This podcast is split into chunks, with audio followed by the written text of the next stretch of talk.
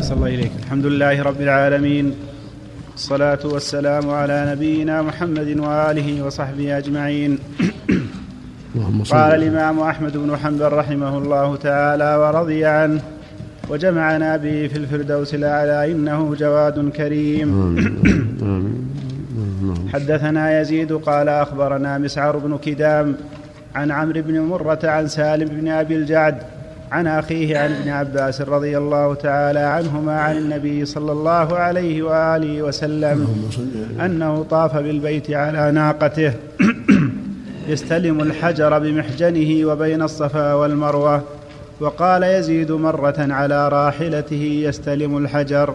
صل على محمد. اللهم صل نعم. حدثنا يزيد قال أخبرنا حسين بن ذكوان عن عمرو بن شعيب عن طاووس أن ابن عمر وابن عباس رضي الله تعالى عنهم رفعاه إلى النبي صلى الله عليه وآله وسلم أنه قال لا يحل للرجل أن يعطي العطية فيرجع فيها إلا الوالد فيما يعطي ولده. حدثنا حدثنا. حدثنا يزيد قال أخبرنا حسين بن ذكوان عن عمرو بن شعيب عن طاووس أن ابن عمر وابن عباس رضي الله تعالى عنهم رفعاه إلى النبي صلى الله عليه وآله وسلم أنه قال لا يحل للرجل أن يعطي العطية فيرجع فيها إلا الوالد فيما يعطي ولده ومثل الذي يعطي العطية فيرجع فيها كمثل الكلب أكل حتى إذا شبع قاء ثم رجع في قيئه. وهذا تنفير من تنفير من الرجوع في العطية. وأنه ليس من مكارم الأخلاق بل صاحبها شبيه الكلب يقي ثم يأكل قيئه إلا الوالد فله يرجع أعطى ولد الشيء ثم فله يرجع. وسنده صحيح نعم. اللهم استعان لا الولد الوالد ما جاء إلا في الوالد نعم. نعم. أحسن الله إليك. حدثنا أنت ومالك لابيه نعم. لا الظاهر ليس لها ذلك نعم. نعم. نعم أحسن الله إليك. الوالده ليس اسم جنس يشمل الوالد أو الوالدة؟ والذي لنا ان ان المراد به الذكر فقط اللفظ الآخر. أنت ومالك لأبيك. نعم. أحسن الله إليك. أبي اجتاح مالي قال أنت ومالك لأبيك. أحسن الله إليك. حدثنا محمد بن جعفر قال حدثنا حسين المعلم عن عمرو بن شعيب عن طاووس عن ابن عمر وابن عباس رضي الله تعالى عنه. تكلم الحشي عندك الحشي. نعم. قال أحسن الله إليك إسناده صحيح. نعم. ورواه الترمذي وقال حديث حسن صحيح ونسبه شارحه لأبي داود والنسائي وابن ماجه وابن حبان والحاكم وصححاه. وانظر ما تقدم وانظر المنتقى والتلخيص. بس؟ نعم هذه طبعة الجامعة؟ لا طبعة أحمد شاكر. الجامعة؟ لا أحمد شاكر مستقبل أحمد شاكر؟ إي نعم. طبعة الجامعة ما حاضرة؟ والإسناده حسن إيه. رجاله ثقات رجال الشيخين غير عمرو بن شعيب. فقد روى له أصحاب السنن وهو صدوق. وأخرجه أبو يعلى والدار قطني من طريق يزيد بن هارون بهذا الإسناد وأخرجه ابن أبي شيبة وأبو داود وابن ماجه والترمذي والنسائي وابن الجارود والطحاوي وابن حبان الحاكم والبيهقي من طرق عن حسين المعلم وليس عند ابن ماجه قوله مثل الذي يعطي العطية وسيأتي وقوله لا يحل للرجل قال السندي ذكر النووي وغيره أن نفي الحل ليس بصريح في إفادة الحرمة لأن الحل أن أن ذكر النووي. أن قال وذكر قال السندي ذكر النووي وغيره أن نفي الحل ليس بصريح في إفادة الحرمة لأن الحل هو استواء الطرفين فالمكروه يصدق عليه أنه ليس بحلال وعلى هذا فهذا النفي يحتمل الحرمة والكراهة. والمعنى لا ينبغي له الرجوع وهذا لا ينفي صحة الرجوع إذا رجع بمعنى أنه إذا رجع صار الموهوب ملكا له وإن كان الفعل غير لائق. كلام النووي ليس بشيء كلام النووي هذا ليس بشيء. لا يحل معناه حرم عليه إنه ليس بحلال بل حرام. كلام النووي هذا سقط ليس بشيء. الصواب أن هذا يفيد التحريم لا يجوز له الرجوع. ولهذا شبه بالكلب يقي ثم يرجع في قيئه. هل الإنسان يقي ويرجع في قيئه؟ هذا أوضح شيء في التحريم. لو أن الإنسان قام ما جاز له يشرب قيئه نعم. أحسن الله إليك. نعم. حدثنا محمد بن جعفر قال حدثنا حسين المعلم عن عمرو بن شعيب عن طاووس عن ابن عمر وابن عباس رضي الله تعالى عنهم عن النبي صلى الله عليه وآله وسلم أنه قال فذكر مثله. حدثني يزيد قال أخبرنا سعيد عن قتادة عن مقسم عن ابن عباس رضي الله تعالى عنهما قال أمر رسول الله صلى الله عليه وآله وسلم الذي يأتي امرأته وهي حائض أن يتصدق بدينار أو نصف دينار. في اللفظ اللي قبله المتن اللي قبله عن ابن عباس إيش؟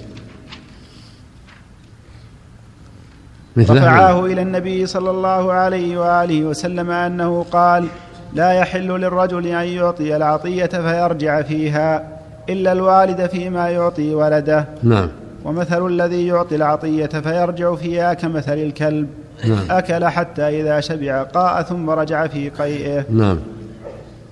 نعم. حدثني يزيد قال أخبرنا سعيد عن قتادة عن مقسم عن ابن عباس رضي الله تعالى عنهما قال أمر رسول الله صلى الله عليه وآله وسلم الذي يأتي امرأته وهي حائض أن يتصدق بدينار أو نصف دينار. نعم نعم.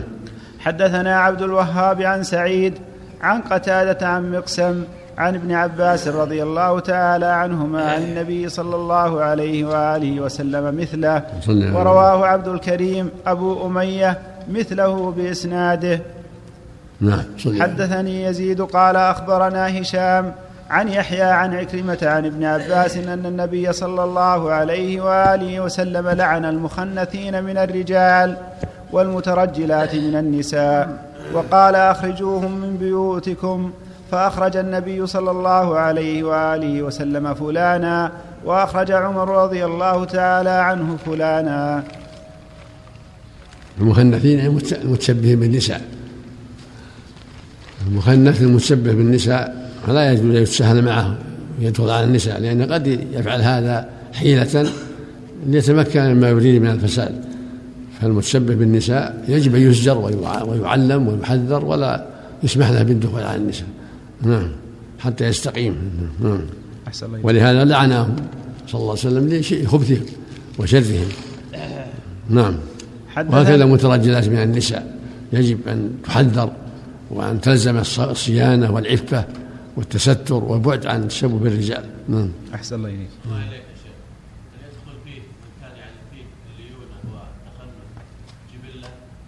ولو ولو يمنع من الدخول على النساء.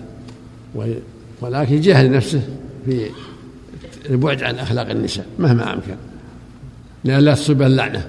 نعم. أحسن الله حدثنا يزيد قال أخبرنا أبو عوانة قال حدثنا بكير بن الأخنس عن مجاهد عن ابن عباس رضي الله تعالى عنهما إن الله عز وجل فرض الصلاة على لسان نبيكم صلى الله عليه وآله وسلم على المقيم اربعا وعلى المسافر ركعتين وعلى الخائف ركعة. نعم. أقل شيء في الخائف ركعة. صلاة الخائف ركعة. وإن صلى كما صلى النبي صلى الله عليه وسلم صلى ركعتين فلا بأس. نعم. أحسن. لكن المسافر ركعتين يقصر الرباعية. وصلى النبي صلى الله عليه وسلم في بعض أيام الخوف صلى بهم ركعة ركعة وهو محاصر العدو عليه الصلاة والسلام. نعم. أحسن الله إليك. نعم. لا ما يعيد. نعم. نعم. أحسن الله إليك. لو كان خائفا في البلد نفسه. نعم. في البلد وهو خائف. لا ما ما ما, ما يضطر إلى صلاة ركعة وهو خائف يصلي ركعتين. ما هو من نجيه الخوف؟ في ركعه نعم. هذا في حال القتال نعم. نعم. الصلوات كلها يا شيخ نعم في حال القتال نعم. المغرب وغيره كلها نعم. نعم. نعم. على حسب طاعته طاقته استطاع ركعتين صلى ركعتين رباعية. وإن اشتد الخوف صلى ركعة كما فعل النبي صلى الله عليه وسلم. نعم. أحسن إليك. بداية المجلد الرابع. نعم. المجلد الرابع نعم. حدثنا يزيد قال يعني ابن هارون قال أخبرنا شريك بن عبد الله عن أبي إسحاق عن التميمي عن ابن عباس رضي الله تعالى عنهما قال قال رسول الله صلى الله عليه وآله وسلم أمرت بالسواك حتى ظننت أو حسبت أن سينزل فيه قرآن. إيش؟ حدثنا عن عن ابن عباس. عن ابن عباس رضي الله تعالى عنهما قال قال رسول الله صلى الله عليه وآله وسلم أمرت بالسواك حتى ظننت أو حسبت أن سينزل فيه قرآن. حدثنا السادة حدثني يزيد يعني ابن هارون قال أخبرنا شريك بن عبد الله عن أبي إسحاق عن التميمي عن ابن عباس عن عن أبي إسحاق. نعم. المقصود السواك سنة مؤكدة والحديث ضعيف بهذا السند لأن شريك مدلس وأبو إسحاق مدلس. آه، لكن يقول يكفي عن هذا قول صلى الله عليه وسلم لولا أن أشق على أمتي لأمرتهم بالسواك مع كل صلاة. رواه الشيخان. السواك سنة مؤكدة نعم. نعم. ما بلغني هذا نعم. أحسن الله إليك. نعم. حدثنا يزيد قال أخبرنا همام بن يحيى قال حدثنا عطاء عن ابن عباس رضي الله تعالى عنهما قال دخل رسول الله صلى الله عليه وآله وسلم الكعبة وفيها ست سوار فقام عند كل سارية ولم يصلي. عند عباس قال قال دخل رسول الله صلى الله عليه وآله وسلم الكعبة وفيها ست سواري فقام عند كل سارية ولم يصلي.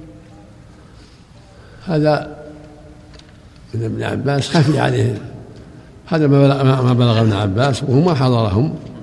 ما دخل النبي صلى الله عليه وسلم ومعه بلال وعثمان بن طلحة. أخبر ابن عمر أنه سأل بلال أنه صلى بين العمودين وهذا يوم الفتح. هذا خفي على ابن عباس. خفي على الذي أخبر ابن عباس. وابن عباس كان ليس معهم. والصواب أنه فعل هذا وهذا.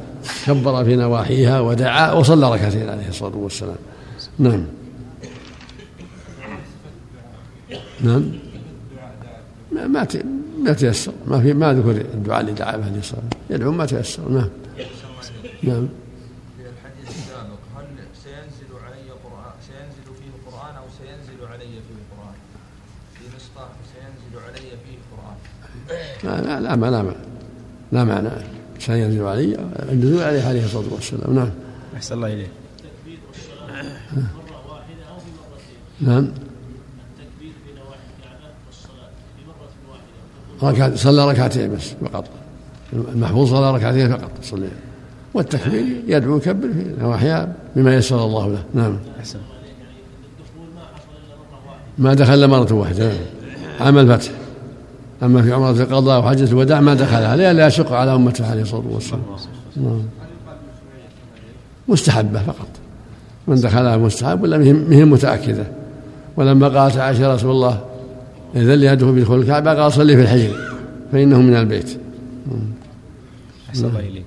حدثنا يزيد قال أخبرنا حماد بن سلمة عن علي بن زيد عن يوسف بن مهران عن ابن عباس رضي الله تعالى عنهما قال لما مات عثمان بن مضعون رضي الله تعالى عنه قالت امرأة هنيئا لك الجنة عثمان بن مضعون